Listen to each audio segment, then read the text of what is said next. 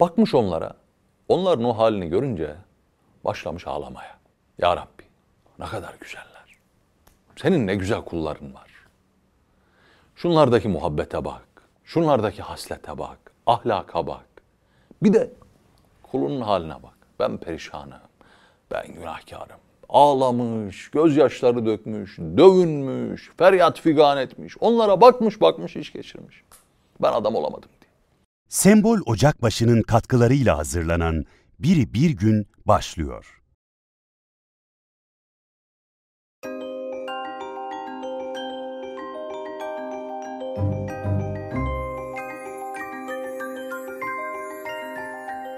Selamun aleyküm erenler ve dahi erenlere gönül verenler. Hatta ve hatta Cenab-ı Hakk'ın sübhanlığını hiç kimseyle paylaşmayacağını yakinen bilenler. Hani namazlarda Subhane Rabbiyel Azim diyoruz rükuda. Subhane Rabbiyel Ala diyoruz secdede. Orada Sübhan olan Allah'ı yüceltme gayretine düşüyoruz zikrimizle. Peki Allahü Teala'nın Sübhan oluşu ne demek? Sübhan eksik ve noksan sıfatlardan münezzeh olan demek. Yani kendisinde herhangi bir eksik, noksan, hata, kusur diyebileceğimiz, böyle tabir edebileceğimiz herhangi bir hususiyet bulunmayan demek. Bu bir tek Allahü Teala'ya hastır. Gayrısı böyle değildir. Gençliğimde insan gençlikte biraz daha suyu sert oluyor.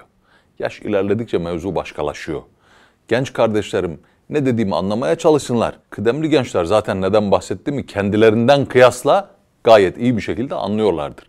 O suyun sert olduğu zamanlarda bir büyüğüm dedi ki, yahu sen niye böyle yapıyorsun? Nasıl efendim? Niye böyle yapıyorum? Şimdi onlar da öyle derler. Niye böyle yapıyorsun? Dediği anda zaten kalbine bir, bir şey düşürüyor ve diyorsun ki ben bir şeyi yapmamam gerektiği gibi yapıyorum.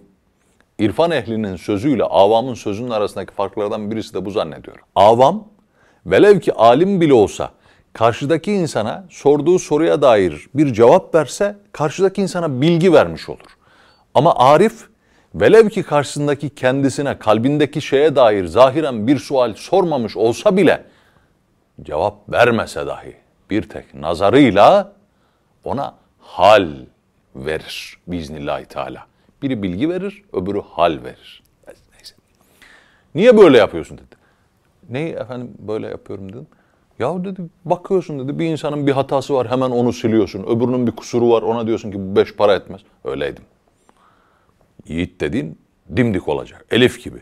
Dost doğru. Festagin kema ümirtenin şerhi gibi olacak hayatıyla. Buna insan yapar bazen de. Dönüp bir kendine bakmaz. Onu tartar, bunu tartar, ondaki eksiği görür, bundaki yanlışı görür. Lan bir de dön kendine bak arkadaş. Sen ne durumdasın? Sende vaziyet ne? Ben ne kadar emrolunduğum gibi dost doğruyum ki bir başkasının emrolunduğu gibi dost doğru olup olmadığını teraziye çıkartıp tartıyorum. Hiç de haddim değilken, böyle bir şeye hakkım yokken. Yapardık gençlikte.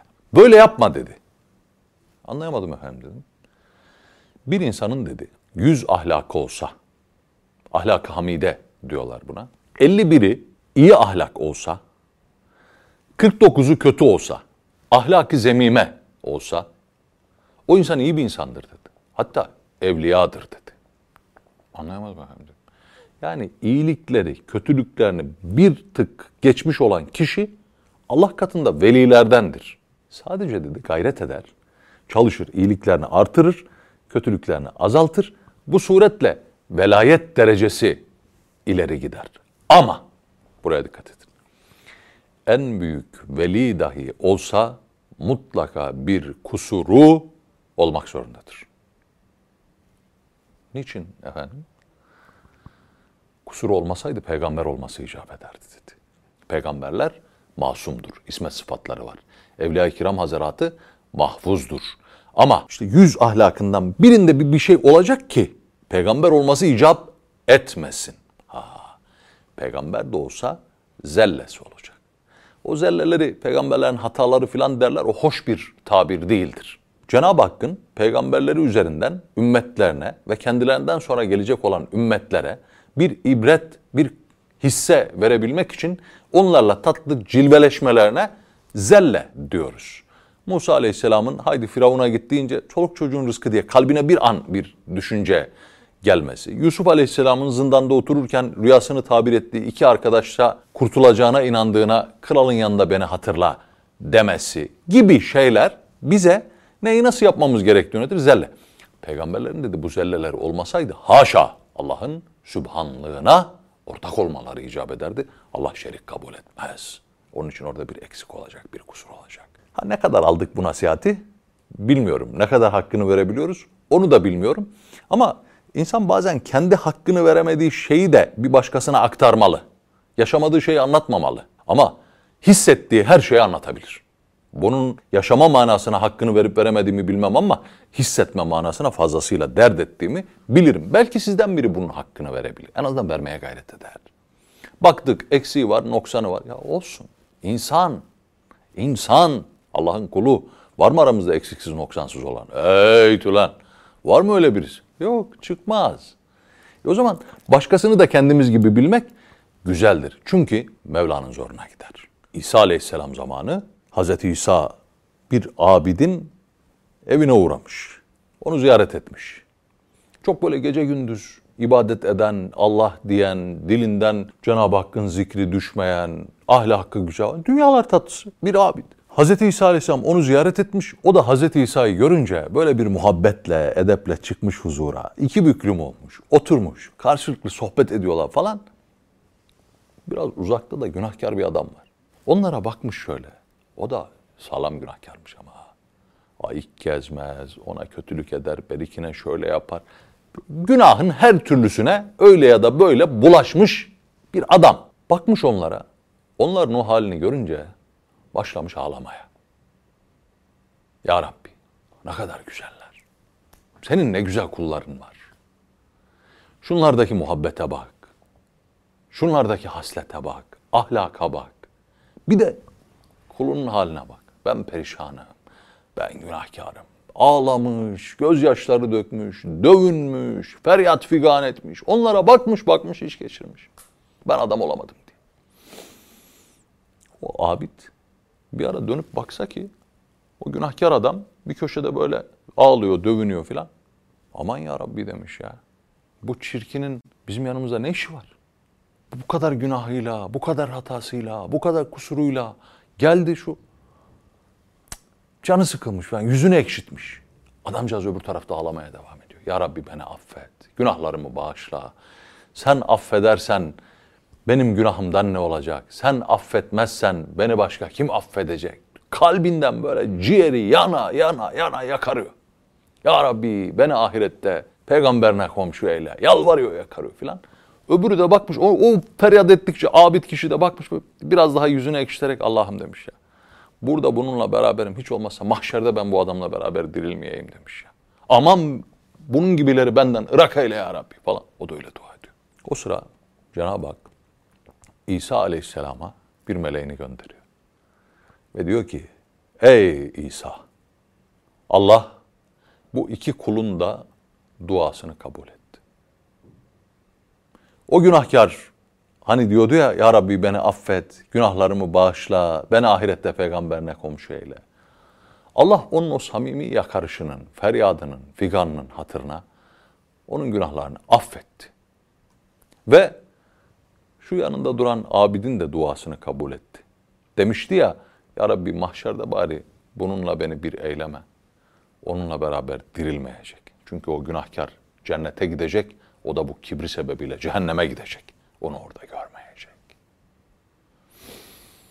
Böyle ne oldu? Hani birisi çok abitti, çok zahitti vesaire. Diğeri de çok günahkardı, şuydu, buydu. Buradan ibadet ehlini kınamak manası çıkmasın. Buradan günahı kutsamak, günahı güzelleştirmek falan gibi bir mana da aman çıkmasın. Tam tersi bir şeyden bahsediyor. Diyor ki ya yapmaya gayret et fakat yaptığınla kibirlenme. Ben ibadet ettim deme. Sen de günahkar da olsan günahından dolayı benden olmaz deme. Büyük boynunu Mevla olduruverir. Ve Allahü Teala'nın yapılan ibadetten dolayı kibirlenen kulundansa işlediği günahtan dolayı mahviyet ve yokluğa düşen, perişan olan kulu daha çok hoşuna gidermiş. Ya ne yapalım? Günah mı işleyelim Serdar Bey? Allah'ın hayır. Haddimizi bilelim. Haddi bilmek ne demek burada? Bu önemli.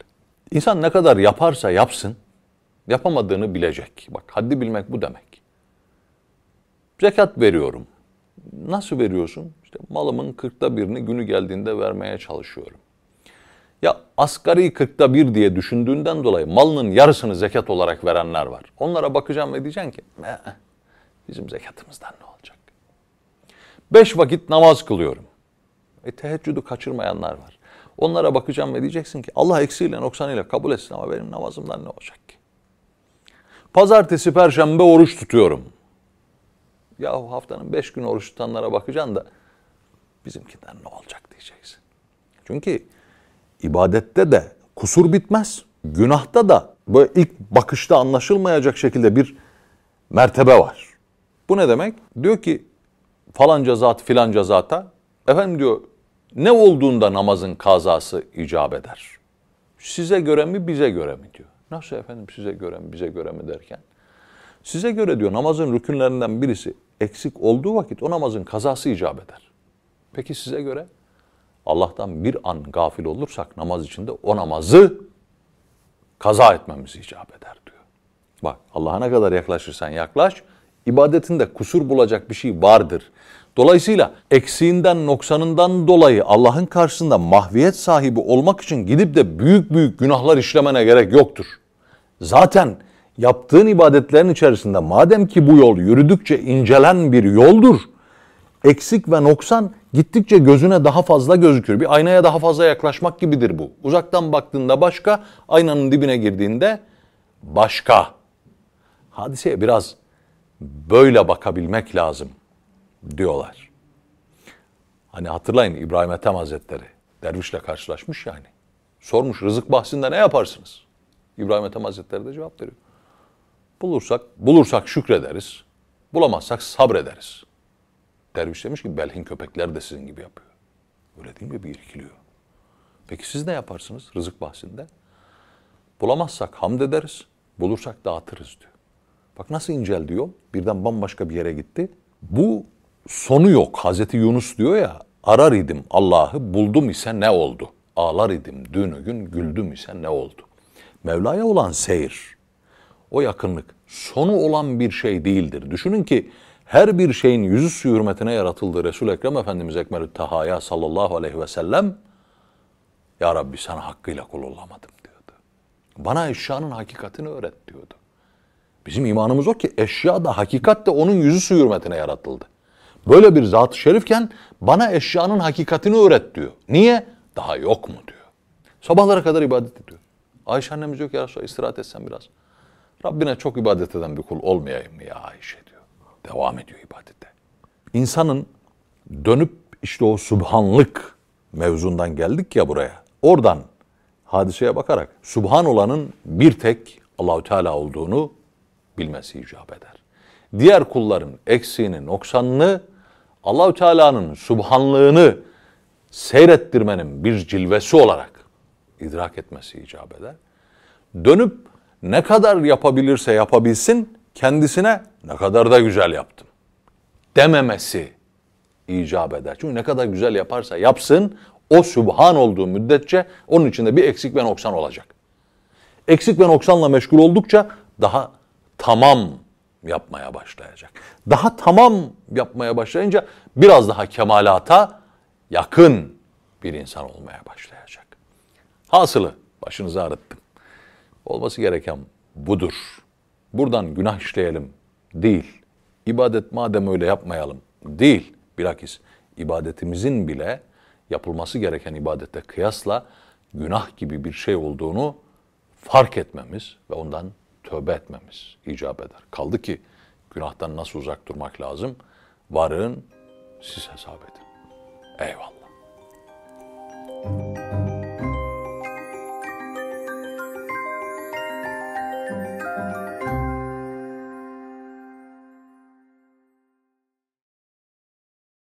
Sembol Ocakbaşı'nın katkılarıyla hazırlanan Biri Bir Gün sona erdi.